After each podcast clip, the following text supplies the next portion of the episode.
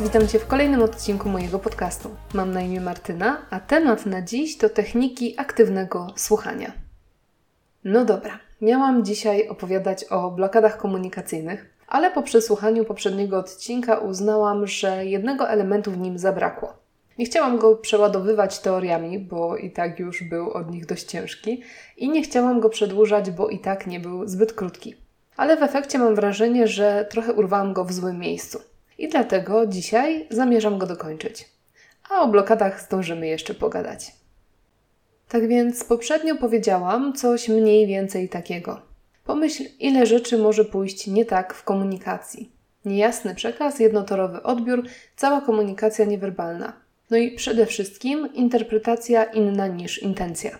Dlatego w przypadku komunikacji warto wyłączyć autopilota i zacząć mówić i słuchać świadomie i aktywnie. Ta jedna zmiana może całkowicie odmienić całe relacje. I ja bardzo głęboko w to wierzę.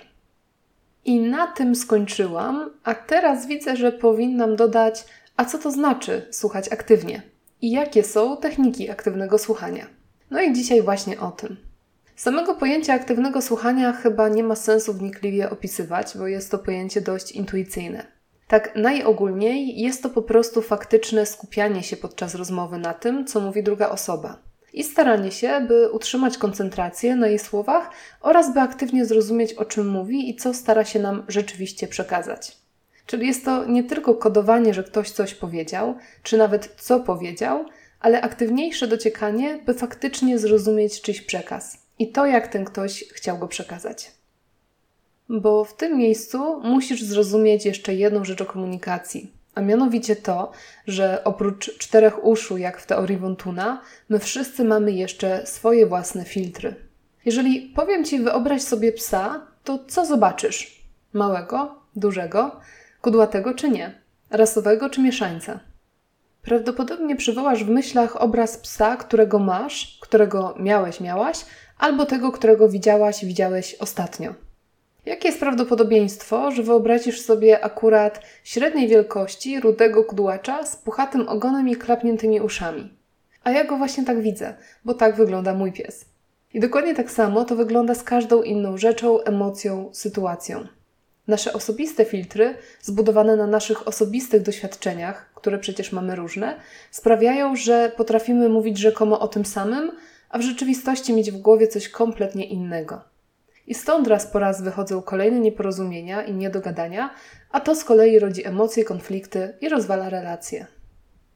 Tu też warto wspomnieć o ciekawym zjawisku, które zauważyli psychologowie społeczni, a mianowicie o zjawisku asymetrii egocentrycznej. Okazuje się, że kiedy pytamy kogoś, jak bardzo jest podobny do innych ludzi, to odpowiada, że nie jest podobny albo tylko trochę, czyli podkreśla swoją wyjątkowość. Kiedy jednak pytanie dotyczy tego, jak inni są podobni do niego, zauważa zdecydowanie większe podobieństwo. Z polskiego na nasze.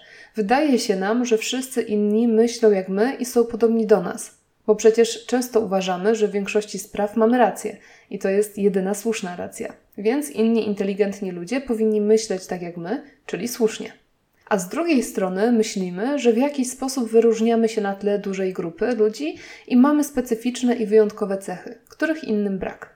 Co z tego wynika? Ano to, że przez większość czasu możesz mieć tendencję do zakładania, że to, co pojawia się w trakcie rozmowy w Twojej głowie, to na pewno pojawia się też innym. I z góry zakładasz, że wiesz na pewno, co ma na myśli Twój rozmówca.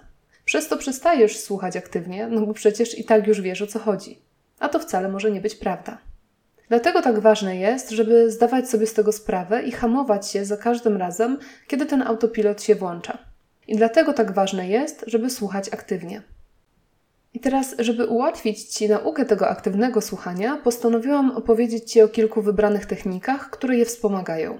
Są to parafrazowanie, klaryfikacja, zadawanie pytań lub inaczej precyzowanie, podsumowanie i odzwierciedlanie uczuć.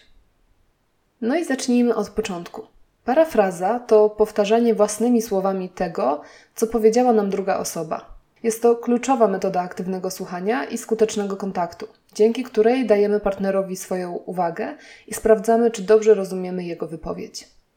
Podstawowe zwroty parafrazy to na przykład: Czy dobrze rozumiem, że pan? Z tego, co pan mówi, zrozumiałam, że. O ile dobrze Cię zrozumiałam, chodzi o to, że. I tak wiem, że na początku możesz czuć się głupio parafrazując, ale kiedy dzięki temu kilka razy dowiesz się, że jednak źle zrozumiałaś czy zrozumiałeś swojego rozmówcę, to docenisz moc tej umiejętności. Więc mimo oporów zachęcam do przetestowania parafrazy w jakiejś rozmowie. Kolejna technika to klaryfikacja. Cel ma mniej więcej taki sam jak parafraza, ale jest między nimi subtelna różnica. Otóż klaryfikacja jest to metoda dopytywania się o znaczenie konkretnych, niejednoznacznych słów, po to, by zdobyć większą ilość informacji, wyjaśnić niejasności i precyzyjnie opisać sytuację. Tutaj mocno nawiązujemy do tych filtrów, o których wspomniałam wcześniej. Więc reasumując, parafraza dotyczy zwykle całej wypowiedzi, a klaryfikacja jakiegoś konkretnego pojęcia, emocji, sytuacji czy osoby. Idziemy dalej. Precyzowanie. Znowu wydawać by się mogło, że to to samo co dwie poprzednie techniki.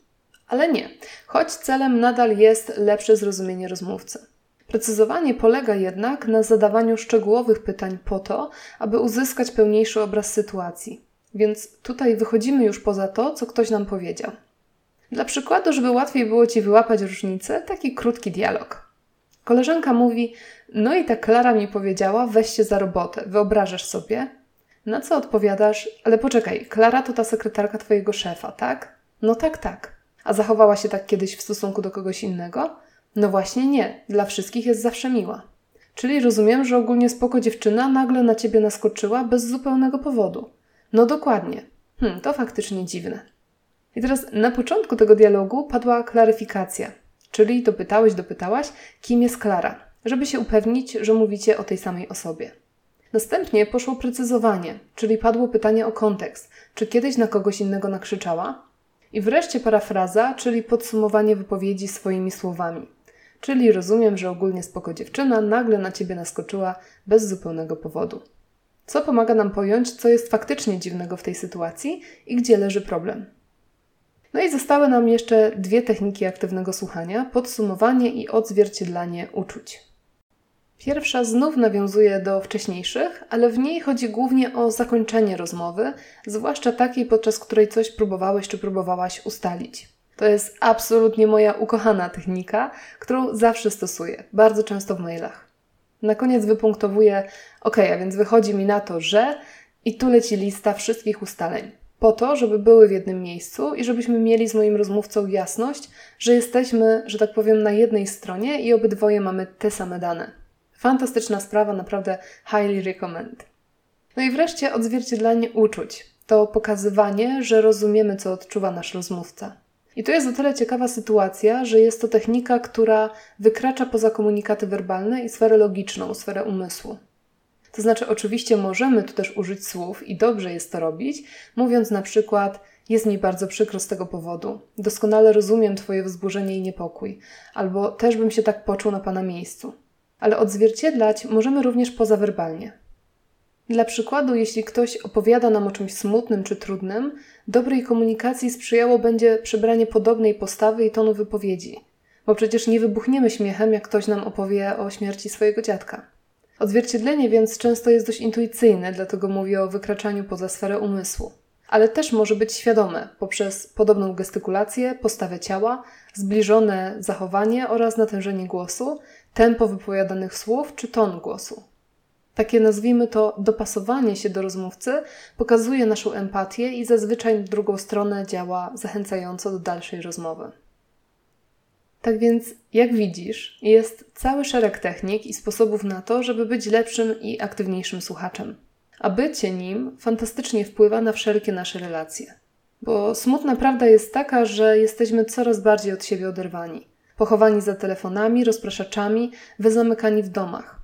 I jak nigdy rozpaczliwie potrzebujemy, żeby ktoś nas wysłuchał. Tak naprawdę porządnie wysłuchał, żebyśmy czuli, że jest przy nas. Dlatego życzę Ci, żebyś takich słuchaczy spotykał czy spotykała na swojej drodze, ale też namawiam Cię, żeby takim słuchaczem samemu się stać. Jest takie powiedzenie, i teraz nie wiem czyje, bo część źródeł mówi, że jest to przysłowie żydowskie, część przypisuje te słowa Epiktetowi, a część Sokratesowi, ale brzmi ono: Natura dała nam dwoje oczu, dwoje uszu i tylko jeden język, po to, żebyśmy dwa razy więcej obserwowali i słuchali, niż mówili. I z tą myślą z tym podsumowaniem chciałabym Cię dzisiaj zostawić. Ok, więc dziękuję Ci za dziś, za poświęcenie mi swojego czasu i za wysłuchanie tego odcinka. Jeżeli chciałbyś, chciałabyś się do mnie odezwać z uwagami, prośbami, pytaniami albo po prostu tak o, żeby pogadać, to jak zawsze gorąco Cię do tego zapraszam. Mój adres e-mail możesz znaleźć na stronie tematnadziś.pl w zakładce kontakt. Istnieje również fanpage na Facebooku pod nazwą Temat na Dziś, a ja korzystam też dużo i często z Instagrama, gdzie funkcjonuje pod nazwą Burgerówka. Więc i tam możesz mnie znaleźć i napisać swoją wiadomość. Będzie mi szalenie miło. Dobra, tyle. Raz jeszcze dzięki. Do usłyszenia. Cześć.